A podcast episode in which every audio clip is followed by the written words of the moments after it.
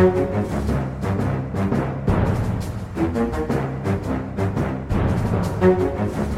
du går og kjøper deg vannskuter for 100 000, Ja. da Jeg vil si også Jeg, jeg er jo i en mellomposisjon her, da, men det vil si det bikker over i harry. Da er du harry, Lars. Sorry. Jo, jo, men er, Harry er jo et totalbilde, da. Jo, jo, men altså, det er en harry ting å gjøre. Det er ikke sikkert du blir ikke helt harry av å gjøre det, men det er en handling som jeg vil beskrive ja. som harry. Skal jeg kjøre rundt på Rodeløkka med sånn derre tilhenger med vannskudd på. Den eventuelle kreden du opparbeider deg, er da liksom Den kan fort Akkurat som tillit, Lars. Tillit, okay, ja. det er ikke noe man har for alltid. Det bygges opp stein på stein, og så rives det fort ned. Ja. Sånn er det med Um, image også. Mm. Ja, nei, skal vi begynne, da? Ja. Nei, men Da er vi tilbake i Aftenpodden. Eh, vi har en liten tjuvstart på høstsesongen, om man kan kalle det. Ja. Det er eh, rett og slett Sara Sørheim og meg, Lars Glomnes, som er i studio. Vi hadde en prat med Trine Eilertsen inne fra Arendal på Skype, men eh, der var det et eller annet dårlig nett eller dårlig lyd. Så vi lar Eilertsen vente, og bare oppfordrer alle til å, til å vente tålmodig til neste uke, for da er hun tilbake for fullt. Ja. Eh, og da tar vi kanskje den store vannskuterdebatten, uh, men uansett eh, de viktige samfunnsspørsmål. Vi kan jo røpe for våre kjære lyttere da, at hvis dere får litt sånn uh, angst nå, sånn som vi kan kanskje kjenne på å være helt hjemme alene, hva skal Sara Lars, liksom, hva kommer til å skje nå? Så tok vi en liten avsjekk med Eilertsen på noen ting som vi skal snakke om i denne sendinga. Ja. Sånn, Trine, kan vi si det og det? Og hun, vi kan si at uh, store mor har sagt, uh, gitt oss grønt lys. Så vi Ja, altså, føler er- oss trygge. Ja, ja. Vi har en, en viss har en, liksom en, eh, en, en planke i bunnen nå, da. En, viss uh, sikkerhet uh, der. Men vi skal jo, det har jo vært en, en nyhetsrik uh, sommer, og det har vært en nyhetsrik siste uke. Vi kommer inn i det, men vi må jo først ta en liten tillate oss en liten oppsummering. Det er jo ikke akkurat første skoledag, så vi trenger ikke å skrive den lengste stilen. Men, men Sara Sørheim, hva har du gjort i sommer, da? Så jeg har gleda meg til å komme tilbake hit en stund. Det må jeg bare si. Så litt derfor vi har denne tjuvstarten også. Fordi det er, er jo gøy å eh, snakke om verden der ute, og ikke bare sitte i sin egen lille boble. Når det er sagt, så er det litt fordi at ferien var lang nok. Eh, Og jeg har, som mange andre denne sommeren, vært på hytte. Uh, egentlig bare vært på hytte. Og sittet, og i begynnelsen gleda meg veldig over været. Og så etter hvert uh, kanskje fått litt noia over været. Men eh, ja. For det er jo sånn, Støtter du eh, Kari Kjønaas Kjos i Fremskrittspartiet? Det har jo vært en liten debatt som har pågått. Jeg så at eh, Høyres eh, Tina, Tina Bru hadde fått en eh, voldsom respons, mye Ja. negativt, på sitt eh, litt mer sånn klima... Hva skal jeg si? eh, litt sitt værskeptiske innlegg på Høyres eh, Facebook-side her. Og var litt forundra over hvor mye, hvor mye agg dette brakte. Men, eh, men eh, hvordan, hvor ligger du der? Du liksom, er du fanga av eh, skepsisen og frykten? Ja, mer og mer, vil jeg si. Altså, dette er interessant, egentlig, akkurat den der splittelsen, eller hva jeg skal kalle det for noe, mellom, mellom de to. Fordi det viser egentlig litt det derre spennet som er i den regjeringen vi har nå. På, liksom, egentlig, egentlig litt på kultur også, men også litt på sånn hvilket blikk man har på verden. Uh, og jeg kjente nå, etter hvert, så har jeg begynt å kjenne litt på at det der å bare liksom si være sånn «Ja, Slapp av. Nå må vi jo for en gangs skyld har vi fint vær, nå må vi nyte sola og sånn. Det kjenner jeg, det syns jeg er litt eh, en blanding av naivt og arrogant. Fordi eh, det er eh, sånn med klimaendringene at du kan alltid forklare enkeltepisoder med tilfeldigheter. Men når man ser på et mønster over tid, så er det vanskelig å forklare alt det vi har sett av ekstremvær. Og eh, nå er ikke jeg noen ekspert, men liksom magefølelsen Jeg syns det er greit jeg kjenner litt på at det er mulig at eh, dette klimaet er i ferd med å endre seg radikalt. Og det uh, syns jeg er helt fint hvis ganske mange folk begynner å kjenne på. Sånn at vi etter hvert liksom jeg vet ikke. Det er noe med å oppleve det sjøl selv, Ja. Lars. Men politisk eh, kommunikasjonsmessig så tenker jeg som eh, Frp-er og som politiker Ja. stor seier å få kritikk for å eh, si at sommeren har vært fin. Ja. Altså når, han klarte, når det ble setningen sånn Vi skal være glad for at vi har hatt en god sommer. Når det blir det man latterliggjør og angriper fra, fra politiske motstandere Nå skal ikke si at Tina Bru har vært den som har, liksom, har gått rett på den setningen. Nei. Men når liksom det er den beskjeden som ender opp i sosiale medier og allting, så tror jeg det, det er en grei liten seier for Fremskrittspartiet. Men hvor er det, hvor er det du står hen, Lars, på skalaen? Eh, jeg står Med skalaen mellom liksom glad og fornøyd sommergutt eh, og eh, klimaangstfylt eh, liksom, ja, nesten voksen klimaangstfylt mann. Da står jeg ekstremt langt ut på vingen hos eh, glad sommergutt.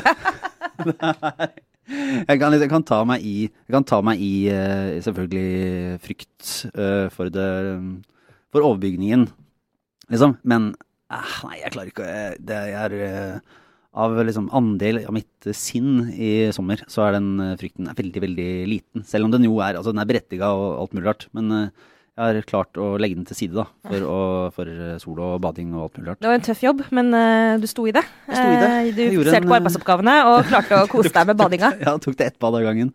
Og så ordna det seg. Men uh, kjapt, det har jo vært stort sett mer ute i verden enn det har vært hjemme i Norge denne sommeren. Ja, og det har vært, men altså i internasjonal politikk, det var jo det, altså, i perioder helt vilt. Jeg satte meg ned i stad og begynte å tenke litt på ok, disse ukene. Og vi kan jo Altså, Trump Nå er det jo roa seg, men eh, den der uka hvor han var på sin europaturné, eh, litt av tur innom Nato og lagde helt sinnssykt kaos, og videre til, eh, til Finland ja. og for å møte Putin. Altså, bare det som skjedde i løpet av den drøye uka, var det vel, er i seg selv liksom så vanvittig fullt av store og geopolitisk drama, og nok til å fylle liksom, jeg vet ikke hvor mange dokumentarfilmer og bøker og spaltemillimeter i aviser. Ehm, prøvde å følge med litt på det som skjedde, men, men jeg er nesten sånn sjokkert også over min egen evne til å bare la han gå inn det ene øret og ut det andre. Men akkurat, uh, litt sånn som i klimaendringene, så er et spørsmål uh, er liksom om sommeren 2018 ble et vendepunkt både for uh, forståelsen av at vi må gjøre noe med klimaendringene, og for om Trump liksom har brukt opp kvota for sånn ja ja, det er jo bare Trump. Eh, fordi det var jo et drama som kommer til å få konsekvenser. Spennende. Ja. Men det har jo vært eh, for en, eh, hva skal man si, for en, eh, for en Boris Johnson-følger som ja. deg, så har det jo skjedd litt i Storbritannia også. Altså, Nå driver jo folk og hamstrer diverse varer i påvente av og frykt for et fullstendig kollaps etter brexit. Ja. Og her tidligere i sommer så var det et slags politisk Jeg vet ikke hva jeg skal kalle det, et kollaps. Men det var jo enormt drama, i hvert fall. ja, du kan godt kalle det kollaps, eller i hvert fall en eh, strategi som gikk helt uh, unnskyld uttrykket, helt til helvete for uh, Theresa May. Altså, akkurat nå uh, så tror jeg den no deal-scenarioet er liksom mer sannsynlig enn det kanskje har vært noen gang. Da. Altså, det virker veldig veldig vanskelig å få landet en avtale. En, en brexit-avtale. Men, men før sommerferien så var jo May i som, hennes strategi Hun samlet alle sine statsråder, eller, eller sin regjering, på sommerstedet til den britiske statsministeren. Eh, og var litt sånn OK, folkens. Eh, nå har vi en plan, og nå må dere følge den. Og nå ber jeg om full lojalitet. Altså, eh, det er litt sånn der, hvis du, har noe, hvis du har noe å utsette på dette, så speak now or be forever silent. Det var liksom den eh, strategien. Og da rakte de hendene i været, alle sammen. Nei, altså, det varte i noen timer, eller var det et par dager, jeg Ja. husker ikke akkurat hvor lenge, men veldig kort tid før det kravet om å slutte rekkene eh, og stelle seg bak hennes plan, eh, godta den skissen som, eh, som lå på bordet, jobbe videre med den, eh, det var det kunne, Hvis hun hadde klart, hvis hun hadde vunnet, hvis den strategien hadde lyktes, så ville hun fremstått som en leder en, en, eh, med fornyet autoritet og styrke. Eh, men det motsatte skjedde. Hun mislyktes med den strategien. Regjeringen eh, har sannsynligvis omtrent vært slitt eh, fra hverandre på innsiden, men den ytre konsekvensen som vi kan se, er jo at flere av hennes eh, eh, folk har gått ut av regjering, og den mest eh, symbolsterke og raljerende og bøllete, for å bruke det uttrykket av dem alle, vår alles Boris Johnson. Han vil ha en hardere brexit. Ja. Ikke sant? Så han, han mener at dette er, det som har vært foreslått av meg, er for mykt og egentlig da ikke i tråd med det folkeavstemningen sa. Ja. Så han er liksom eh, den Altså den mest mer haukete, da, i, i kan bruke det uttrykket, for å si nei til Europa. Og av de liv, altså liv, eh, de mest profilerte talspersonene for, å- for brexit, så er jo Johnson nå som på en måte eh, kanskje aller sterkest markerer sin lojalitet til de som stemte for eh, utmelding, eh, og at lojaliteten til dem er sterkere for han enn lojaliteten til sin egen regjering, da, kan du si. Ja. Og det er jo et høyt spill. Det er jo eh, muligens ren populisme. Eh, kan også være ren, altså en helt genuin politisk overbevisning. Men det eh, kommentatorer i hvert fall i Storbritannia hevder, med liksom, relativt eh, Ja, men de virker ganske sikre på det, det er at Boris Johnson først og fremst drives av eh, Boris Johnson. Altså hans eh, fokus har pleid i hvert fall å være på, på han selv. Ja. Så eh, akkurat nå kom det en undersøkelse som eh, er tatt opp blant medlemmer av det konservative partiet. Eh, jeg tror de, det er sånn Jevnlig gjør de undersøkelser på hvem er de medlemmenes favorittkandidat til å bli den neste lederen i partiet. Der har Johnson ligget litt sånn ned på lista en stund, men nå har han altså gjort et kjempebiks eh, og leder den med klar margin. Eh, så blant liksom eh, Hva heter det på norsk? Altså grassroot eh, Bare, bare medlemmene, rett og slett? Ja, på gulvet. Ja. Så er det Boris Johnson som nå seiler opp, og, og mange spekulerer jo at May Altså nå er man jo over i en diskusjon om hvor lenge kan hun sitte? Ikke sånn type Kommer hun til å klare dette dette? er. Spørsmålet er bare når må hun gi seg? Eh, og hvem tar over da? Så det kan bli Altså, for å si det sånn, setupet eh, er eh, for drama, også britisk politikk. Eh, og så er jeg jo reelt bekymra også for at denne brexit, eh, hele dette sørgelige, hele denne egentlig tragiske situasjonen som eh, både England, eller Storbritannia og Europa er kastet inn i pga. den utrolig dårlige vurderingen som Cameron gjorde back in the days når han bestemte seg for den folkeavstemningen. Altså, hvis vi skulle lagd en sånn podkast en gang i tiden der som var sånn avgjørelser, eller eh, feilslåtte, ja. ja, skjebnesvangre avgjørelser, så ville jo den vært på pallen, i hvert fall. Mm. Ja. Så Men- vi kommer tilbake til det. Ja. Men eh, det er jo en, eh, hva skal man si, en eh, grunn til å starte podkasthøsten litt tidligere. Altså Vi hadde egentlig tenkt å starte denne uka uansett, da. Men, men det var i hvert fall det var ikke noe særlig valg. Når det kommer rekende en sak som denne eh, merkverdige og forunderlige historien om Per Sandbergs ferietur Ja. til Iran. Ja. Eh, ja, hvor er det vi skal begynne her? Eh, litt eh, Ja. Altså, Per Jeg, jeg vet faktisk ikke hvor vi skal begynne, Lars. Altså, denne saken er, den er altså så rar. per Sandberg og det som da har vist seg etter hvert å være den nye kjæresten. Ja. eh, en, eh, en, eh, en hva skal jeg si, Miss Iran 2013. Bar Letnes, eh, 28 år. Norsk statsborger. Norsk statsborger. Men tidligere altså, kom fra Iran til Norge Iran til og har fått norsk statsborgerskap. reiste til Iran på ferie. Hun har også startet et, eh, et eh, lite gründerselskap som skal, eh, skal ha slags import-eksport av bl.a. fisk. Ja, altså det er et, et selskap som viser seg Jeg tror ikke det er aktivt, men hun, hun har altså et AS. Nå har hun uttalt seg at, det skal, at du skal legge det AS-et dødt. Om noe som har vært i livet, vet jeg ikke. Men det er altså registrert som et selskap som skal drive med eksport bl.a. av fisk mellom Iran og, og Norge. Ja. Og eh, nå, det har jo da eh, kommet kritikk fordi Per Sandberg i kalenderen hadde oppført at han skulle til Tyrkia, Ja. og egentlig ikke sa fra til noen, og i hvert fall ikke til Erna Solberg og SMK, at han var i Iran eh, før et par dager etter at han hadde kommet dit. Ja. Og så er jo ikke Iran et hvilken som helst land å feriere i. Altså, vi snakker et, et land, et regime, eh, for det første. Et regime som er veldig, veldig eh, si, omdiskutert. Det er det mildeste man kan si om det regimet. Eh, og det er et, er et land som eh, Det innebærer en, det innebærer en sikkerhetsrisiko eh, å dra dit. Hvis du representerer den norske stat, eh, og det må man i aller høyeste grad si at Sandberg gjør, som statsråd. Men Sara Sørheim, Ja, det var jo ikke statsråd Per Sandberg som var på tur. Eller Frp-nestleder Per Sandberg på tur. Det var privatpersonen Per Sandberg på tur, Ja. som han selv har uttrykt det. Og det er her vi, her, er her vi kommer tilbake til dette med rolleforståelse. For dette, eh, altså det er mye å si om denne saken, men sånn akkurat nå så kan du si at vi kan spekulere i eh, hva som kan ha skjedd. Eh, det er jo mange som eh, sikkerhetseksperter vi har snakket med bl.a. i Aftenposten, sier at det, det er veldig sannsynlig at uh, iransk etterretning kan ha uh, benytta seg av dette besøket. Han har hatt med mobiltelefonen sin. Uh, de kan i teorien ha liksom, skrapa den for informasjon, også sensitiv informasjon. Dette vet vi ikke. Og det må understreke, det er bare spekulasjoner. Det er ikke sikkert at det har skjedd. Men det vi kan slå fast allerede, som er kanskje kjernen i saken sånn som den står nå, det er jo den utrolig dårlige rolleforståelsen som han utviser som statsråd. Altså, Når du er statsråd, så er du alltid statsråd. Du er ikke innimellom privatperson. Eh, I hvert fall ikke når du er på reise i et land eh, som Iran. Og det er jo helt tatt eh, Jeg synes det er litt rart, Lars, at han bare at han til og med prøver seg på bare å dra det resonnementet.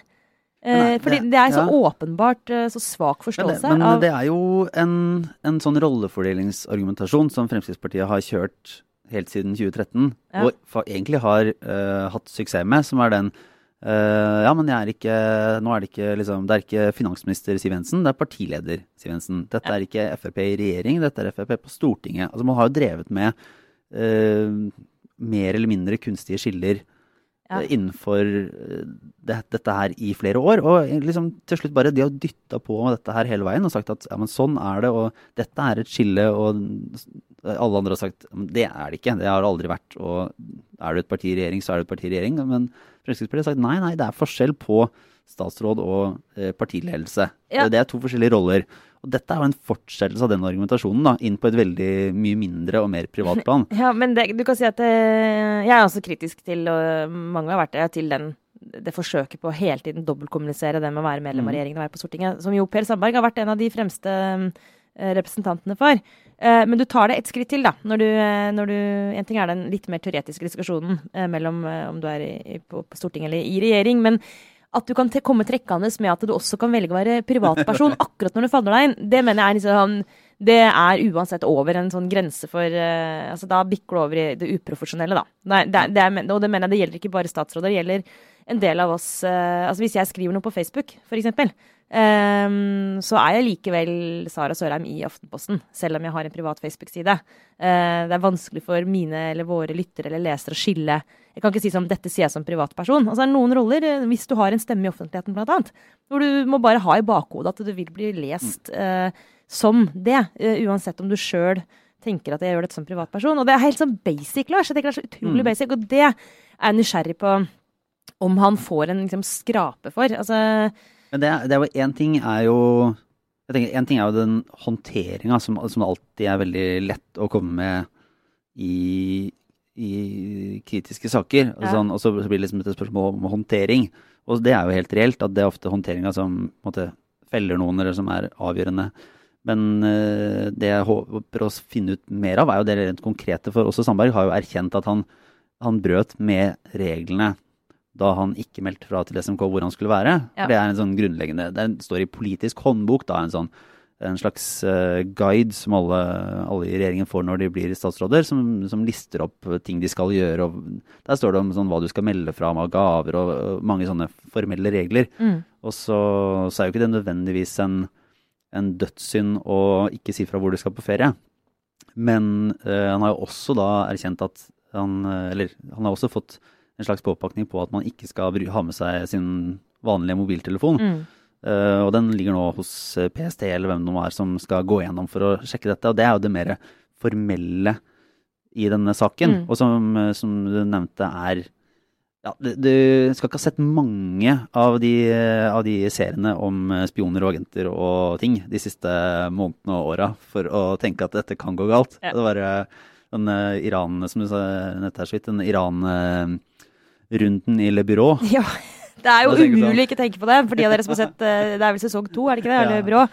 eh, Som annet foregår i Iran. Altså, nå skal ikke jeg være her jeg, altså, Om alle eh, Veldig, serier veldig profesjonell i analysen som er ja, Hvis du har sett på TV, Ja, så Jeg så en dokumentar om Ja. Iran. Ja. Nei, men, men jeg tror ikke man skal, det ville vært naivt å ikke tro at det her kan da, dette kan ha gått veldig galt. Vi vet ikke noe om det har det. Men, men det, det er jo flere ting her, her Lars. fordi En ting er jo at han har brutt reglene. Noe annet er at han stiller sitt eget embetsverk og sine egne medarbeidere i forlegenhet. Eh, Det viser seg jo, og DN har jo fått ut eh, e-poster som har gått mellom eh, ambassaden og eh, forværelset til Per Sandberg. Fordi ingen her i Norge visste at han skulle til Iran, men det kom en henvendelse til den norske ambassaden fra en iransk myndighetsperson.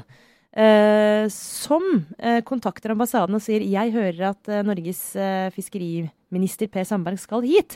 Er det mulighet for å få et møte med han? Eh, hvorpå da eh, vår mann på ambassaden eh, henvender seg til hjem hit, til Per Sandbergs forværelse, og spør hei, jeg har fått en henvendelse om at Sandberg skal hit, er det noe dere kjenner til? Og får svar etter en liten stund nei, nå har jeg snakket med alle her, ingen vet noe om dette, det må nok være feil. Og så viser det seg at det var riktig.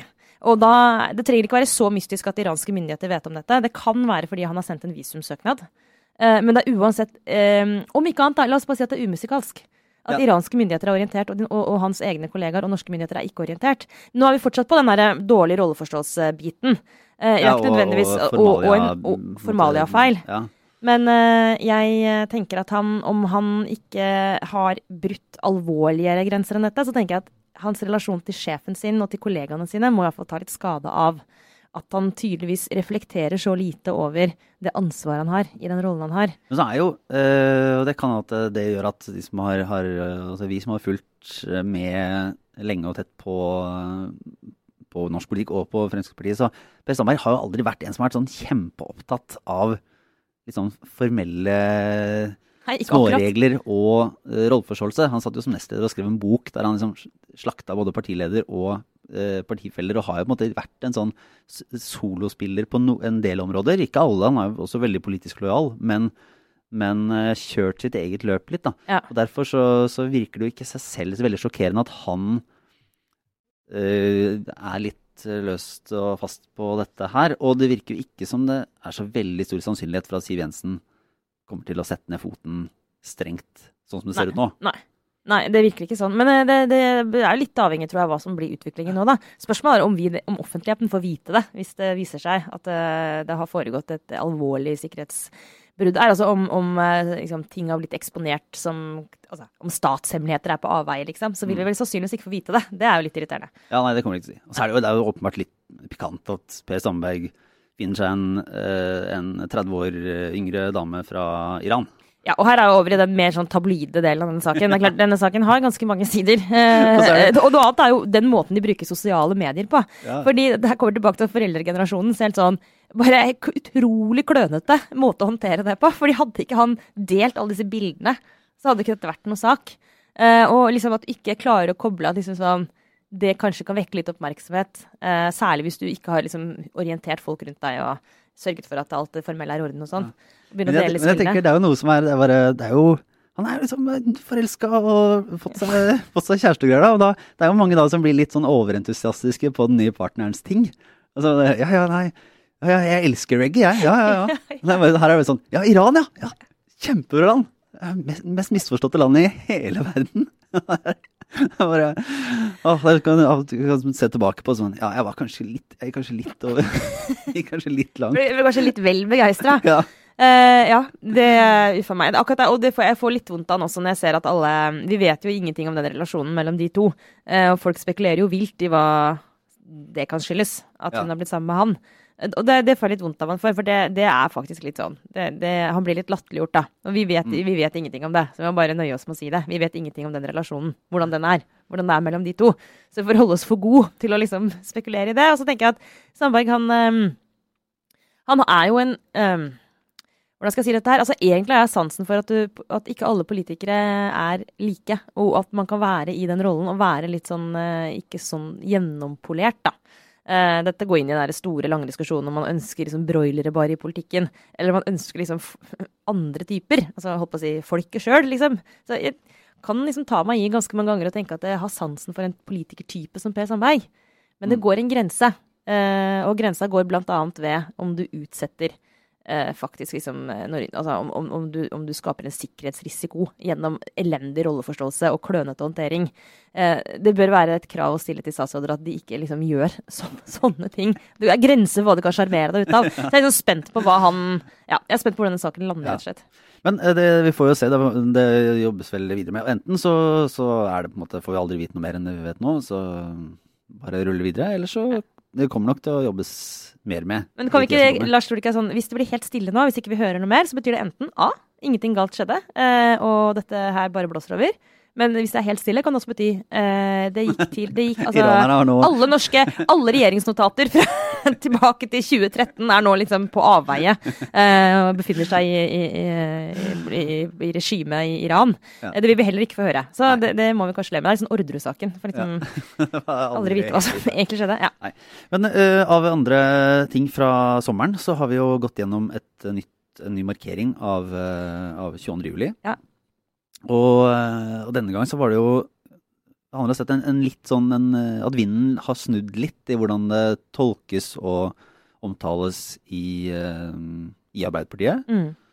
Uh, vi hadde jo den større reportasjen uh, i Aftenposten om hvordan om disse hatmeldingene og hetsen som overlevende og, og tilknytta AUF har fått og fortsatt Mm. får. Som jo var helt grusomt å lese, at, at det sitter sånne eh, troll rundt i Norge og bruker dette som en mulighet til å, til å lage kvalm. Og, og som de sa, også noen som lot seg intervjue, sa at det var meningen at det skal såre Mm.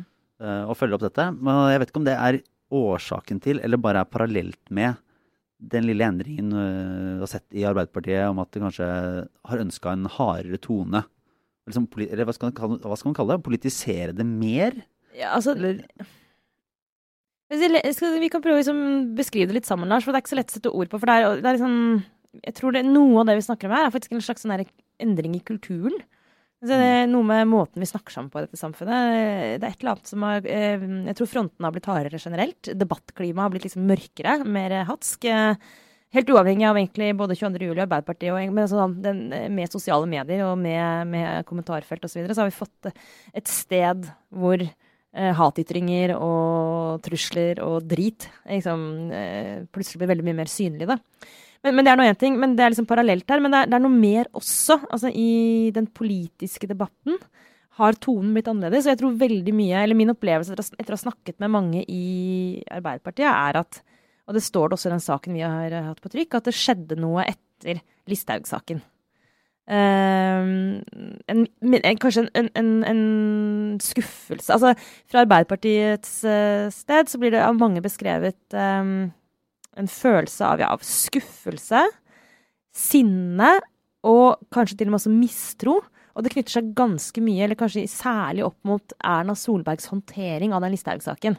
Uh, og, og, en jeg snakket med, for eksempel, sa at Eller beskrev det som at Erna Solberg, da Listhaug eh, postet sine, sin nå herostratisk berømte Facebook-melding om, om, at Arbeiderpartiet var mer opptatt av å beskytte terrorister enn, enn sitt eget land, Eh, en av de sa at da, liksom, For Erna Solberg var det viktigere den gangen å beskytte sin egen statsråd. Altså, hun var villig til å gå mm. av som statsminister. Hun var villig til å felle regjeringen for å beskytte Listhaug.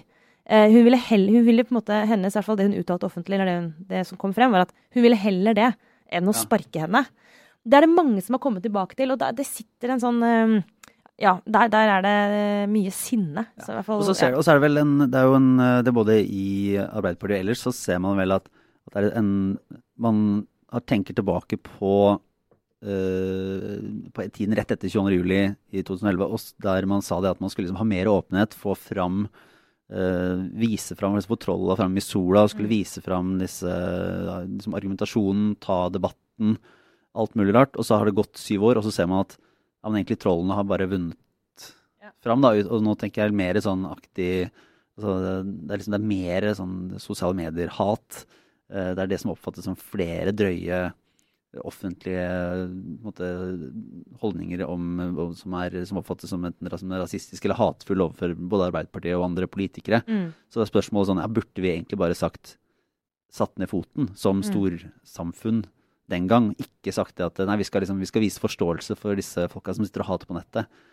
Uh, men heller sagt dette går ikke an. Dere har ingen plass i en sivilisert debatt. Mm. Skjerp dere. Og der, føler jeg, der er det liksom debatten. og litt med Knut, Knut Olav Åmås uh, hadde jo et, uh, et, innlegg i Aftenposten her um, ved onsdag, eller, eller, denne uka i hvert fall. Mm. Der han går litt inn i sin egen argumentasjon fra, fra, den tida, og der han har vært en pådriver for å gi folk plass, da, for å få disse ulike meningene fram i lyset. Men mm. nå kanskje har moderert seg litt fra, fra, sin tidligere holdning, fordi han ser at, at debattklimaet bare har blitt verre. Mm. Ja, fordi dette her er jo en sånn um Uh, det, er litt, det, er litt, vanskelig å vite på en måte om det er det at vi alle nå har sett eh, hva som er der ute av holdninger, og, men at holdningene alltid har vært der. Men at nå er de åpenbare for flere av oss fordi de kommer til uttrykk på plattformer som vi har tilgang til. Sosiale medier. Ja. Eh, eller om det er sånn at det, det, har blitt mer hat, flere truende ytringer, altså mer konspiranoia.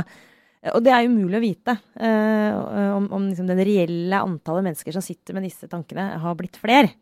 Men uansett så eh, har det i hvert fall blitt mer krevende, sannsynligvis, eh, å være en deltaker i den offentlige debatten.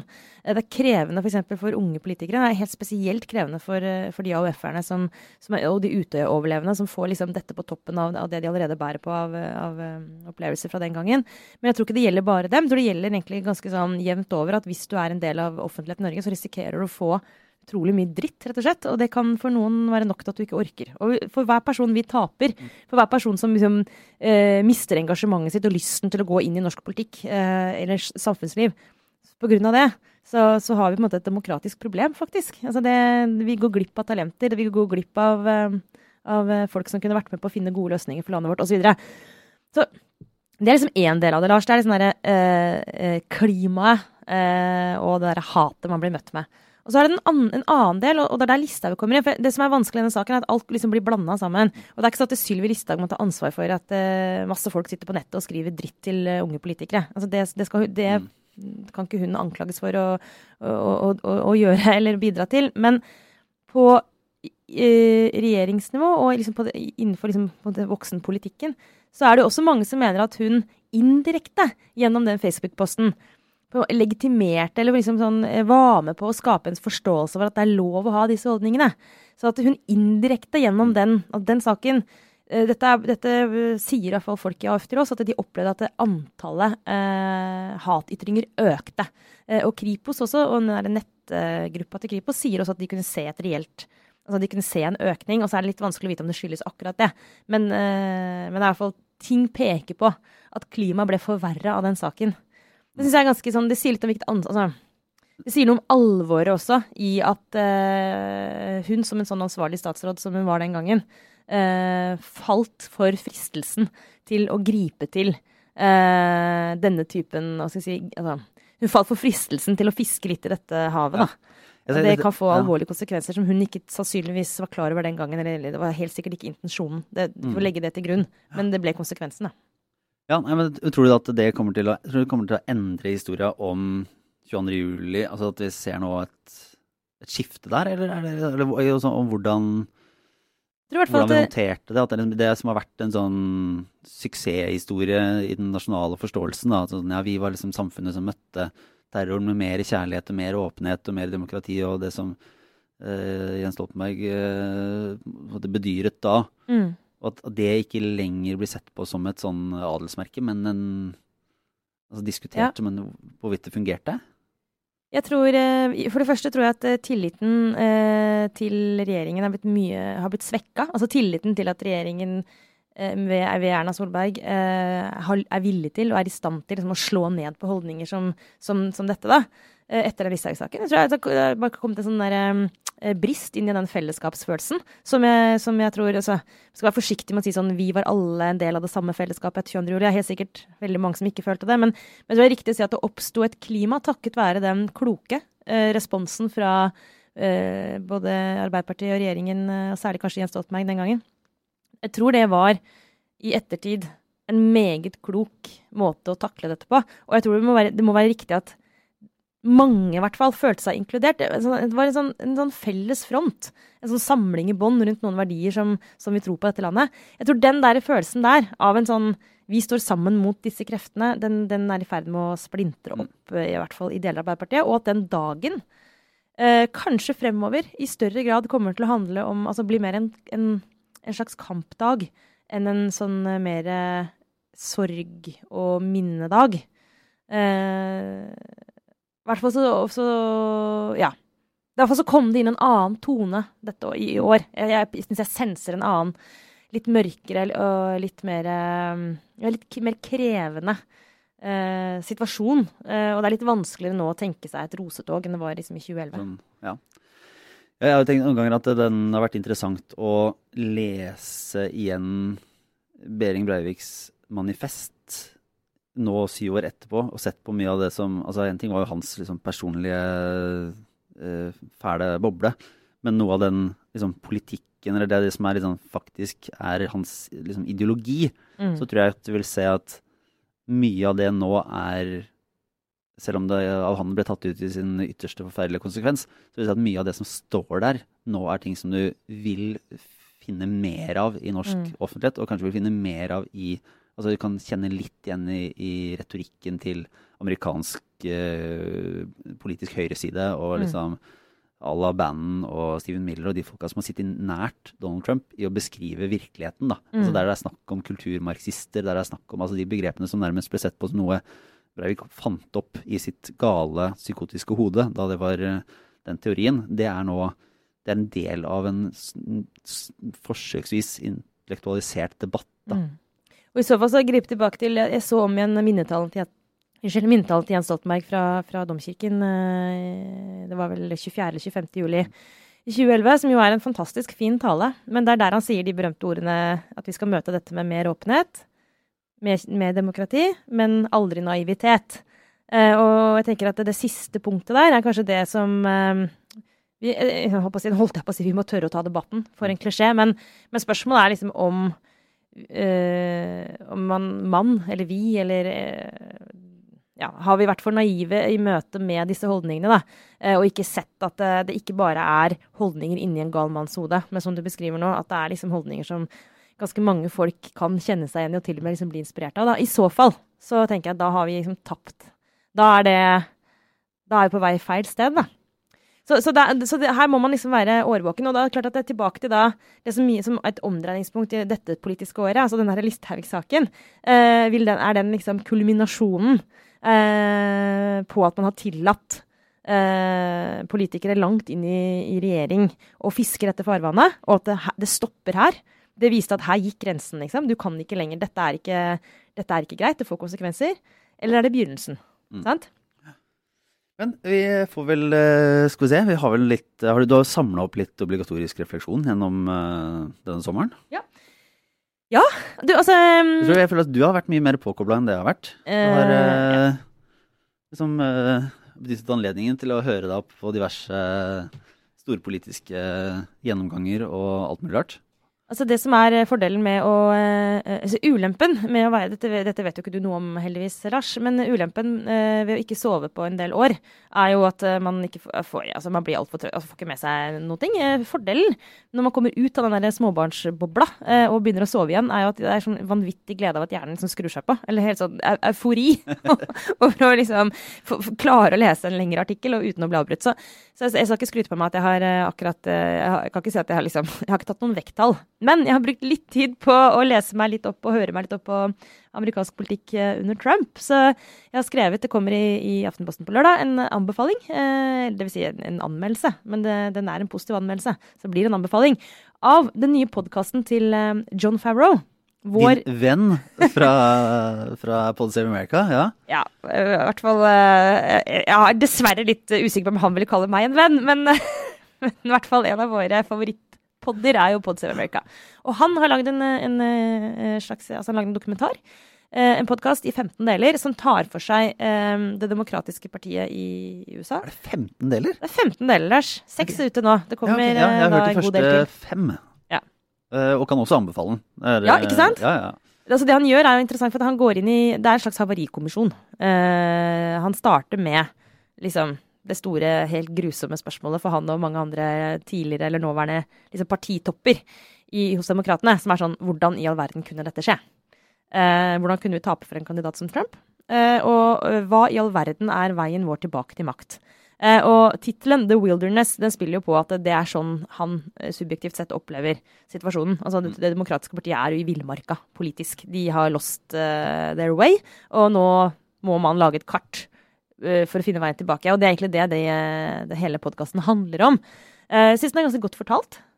Ja, den, eh, den er det. Den uh, 15 del hørtes litt mye ut for mine, men det er, altså, det er, verdt det er som en det er en historietime som er godt fortalt, og som er veldig interessant. Mm. Og som, som, fanger opp mye Mange av de problemstillingene som det amerikanske samfunnet egentlig står overfor nå. da. Ja. Så er det jo så mye annet, og som også Pod Save America kan være til tider det er jo partisk. Altså, det er jo et uh, Totalt partisk. Det er jo, et, det er jo et, også på en måte et, et uh, valgkampgrep å lage denne. Altså, det er, det er jo et formål om å øke oppslutningen om demokratene. Det ja, men, må man bare ha i mente, liksom. Ja, det, men det, det, tenkte jeg litt på underveis. fordi han er veldig tydelig på det um, i, i innledningen, denne John Farrow, da, på at uh, jeg er demokrat, jeg ønsker partiet tilbake til makten. Eh, og han er også ganske tydelig på sånn, Han satt jo som rådgiver og taleskriver for Obama. Eh, og litt sånn hm, Vi har gjort en del feil, vi også. Eh, litt ydmyk, i hvert fall til han å være. Mm. Eh, men jeg har tenkt litt på at eh, egentlig i, i, den politiske journalistikken så er det så befriende at, for å kalle det, Dette er jo et stykke journalistikk, men det, at det er subjektivt. Fordi det gjør det faktisk ganske mye lettere som lytter eh, å tolke det som blir sagt. Altså Det er ingen tvil om intensjonen til eh, programlederen. Eh, og du kan liksom ta du, du, kan egentlig vite Du kan ta på deg briller. altså Man kan tolke det som blir sagt der. Uh, mye enklere enn hvis det var en tilsynelatende objektiv fortelling om hva som gikk galt. Ja, sånn men, sett er det en styrke at det er så subjektivt, tenker jeg. Ja, men det er av og til, når du hører det, at du merker at de Og han er så liksom, litt dårlig til å påpeke hvilke argumenter motparten faktisk har som kan være gode, eller som kan treffe. Ja. Altså det, er, mye sånn mistro At det bygger opp en fortelling om republikanerne som litt sånn øh, ondsinna ute etter å gi alle pengene til de rike. Ja. Altså, det, er sånn, det, er jo ikke det, som er, det er sånn- ikke det som er argumentasjonen til republikanerne. Nei. Det er, sånn, det er jo de altså, det, En ting er hva de, demokratene ikke kommer fram med. Noe annet er jo at republikanere har en, en, på en, en, øh, en frihetsargumentasjon som treffer Mm. mange amerikanere. Og som ha, kan, kan ha noe for seg, selv om, selv om, det, selv om man er uenig. Det, det tror jeg, ja. kan bli litt sånn, kan etter, Du savner nesten alltid et sånn et motstykke. eller altså, En skulle hatt én episode som var en sånn noen som forklarte den andre sida. Jeg er enig, Lars. Og, det, det som er et poeng er at alt Altså, jeg har lest Jeg har sett, eh, hørt Wilderness, eh, sett den New York Times-dokumentaren som ligger på NRK-spilleren nå, som følger de politiske journalistene i New York Times gjennom det første året med Trump. Fire deler. The Fourth Estate. Veldig anbefalesverdig. Eh, og så har jeg jo lest den derre Shattered, det har jeg nevnt her tidligere, som er historien om Hillary Clintons kampanje, som gikk dårlig. Bare for å nevne tre eksempler, da. På, jo, også den boka som Trine også har nevnt her eh, i poden tidligere, som heter How Democracies Dies. Som Mm. er eh, også en beretning egentlig med utgangspunkt i Trump. Disse, disse nevnte titlene er liksom veldig eh, kjempeinteressante og gir et utrolig til sammen et godt og nyansert bilde av liksom, Amerika under Trump. Men alle er jo skrevet med utgangspunkt i at noe gikk fryktelig galt eh, høsten 2016. Det er skrevet med utgangspunkt i at Trump er en farlig mann. Eh, at demokratene er nødt til å finne veien tilbake. Altså Det er skrevet med klassiske, progressive, liberale briller. da, Som jeg skal være den første til å innrømme at det er de, slik er ser jeg også verden. Det er de brillene jeg har på meg. Eh, og en svakhet ved selvfølgelig det er at, eh, som du sier, Lars, vi mangler den vi mangler det motsatte ståstedet. Det kunne vært litt kult hvis, eh, hvis noen av lytterne ute har eksempler på eh, bøker eller dokumentarer som forklarer dette med helt motsatt fortegn. Det tror jeg liksom hadde vært Ja. nyttig. Men som ikke er den derre Som ikke er Breitbart, liksom. ja, ja, som ikke er sånn ja, disse liberalerne som vil ødelegge Amerika. For det er jo Ja, det blir eh, litt i overkant igjen. Men jeg kan, Jeg har en eh, annen eh, anbefaling. Jeg har jo også da hørt på The Wilderness i sommer, men det er nå så. Jeg har, men som et, et lite stykke Jeg har hørt de siste dagene nå en true crime-podkast. Eh, som jo Man kan jo bli litt sliten av den sjangeren. Men uh, det er jo da sesong to av In the Dark. Uh, Den første var også veldig god. Jeg kom vel for et par år siden eller noe sånt. Men denne tar for seg en sak om en, en afroamerikansk mann fra Mississippi som er dømt til døden Nå har vært i seks rettssaker. Altså, og så har han da blitt Jeg husker ikke om det er fire eller fem av de har da blitt omgjort fordi at det har vært saksbehandlingsfeil, eller det har f.eks. vært at denne, denne anklageren har eh, konsekvent valgt bort eh, svarte jurymedlemmer. Så han bare har liksom konsekvent vilt ha en helt hvit, eller eh, så godt som jury.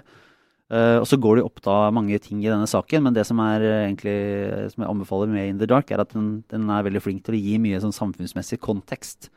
Som, eh, som tegner et litt sånn større bilde av det amerikanske altså sørstatssamfunnet, og hvordan det har vært i en liten by Mm. eh, over de siste Ja, nå blir det plutselig 60 årene, da. Mm. Men eh, det er, det er bakteppet for det som skjer og det som pågår nå. Dette er jo da en, en, en sånn sett pågående sak. Mm. Så den eh, kan absolutt være verdt å se. Den går jo den går greit inn i uh, denne tidens uh, USA også. Selv om Mm. her igjen, uh, det som er mange av de true crime-podkastenes store svakhet, er at man får et veldig klart et narrativ og et veldig klart bilde av at det er på denne måten. Og så eh, får man ikke de som kan ha en rasjonell forklaring for mye av det som blir påpekt som negativt. De får man jo ikke tale, for de vil ikke si noen ting. Og dermed så sitter du igjen og ønsker at bare ah, kom igjen, fortell meg hvordan de andre ser det. For Mm. det, det mangler han jo. Og det har jeg hørt at det kommer en ny utgave, eller hva skal man si, en historien fra Making a Murderer forklart fra politiets side. Ja, visstnok er det på gang. Det har jeg også Ja, fått med meg. det vil være veldig fascinerende. Ja, men da er vi tilbake til det som er, det er en kjempeutfordring for journalistikken i vår tid. Det er, det er, ikke, det er, ikke nok altså, det er ikke noe problem å velge seg et drama å beskrive. Det er et, vi lever i en veldig dramatisk tid politisk. Både, altså, det, er utrolig mye som skjer rundt på alle kanter. Men, eh, men det der med eh, hvordan ser det ut fra andre siden, det er jo det vi sliter med. Det er jo det, det er liksom vår eh, ja, det er kanskje det vanskeligste er liksom å få i tale de som sjelden eh, gjør akkurat det. Uttaler seg i aviser eller deltar i debatter eller eh, Ja, og Ja. gjør det på en nyansert måte. Ja, ja. Ikke bare sånn roper fra hver sin eh, skyttergrav. Ja. Men eh, da er det vel egentlig på tide å runde av eh, denne lille Denne tjuvstarten. Ja. Eh, det er det. Vi kan bare uh, si at vi gleder oss til Altså Nå eksploderer snart uh, høsten. Det er ikke så lenge til Arendalsuka. Der skal vi ha en sending, selvfølgelig. Eh, det er to uker til. Ikke neste uke, men uka etter der. ja. Og så rett etter Arendalsuka så er det valg i Sverige. Det Ja. blir sykt spennende, for å si det på litt, eh, litt sånn som Ja, kidsa ja. ville Det sagt det. kommer jo Ja. plutselig nå. Er det 9. september? 9. september er det valg i Sverige. Uh, så det er bare å glede seg. Altså, håper å si, bare å glede seg. Det er ikke sikkert. Det er mange som bare kan begynne å grue seg òg. Men, uh, men uansett, den politiske høsten er liksom straks i gang. Vi lover å liksom henge med i svingene så godt vi kan. Ja. Og neste uke er vi tilbake med Eilertsen uh, på plass i studio. Mhm. Eh, og da har det sikkert skjedd mer i både den og andre saken. Eh, for det, det gjør det stadig vekk. Så da er vi tilbake. Takk for i dag. Ha det bra.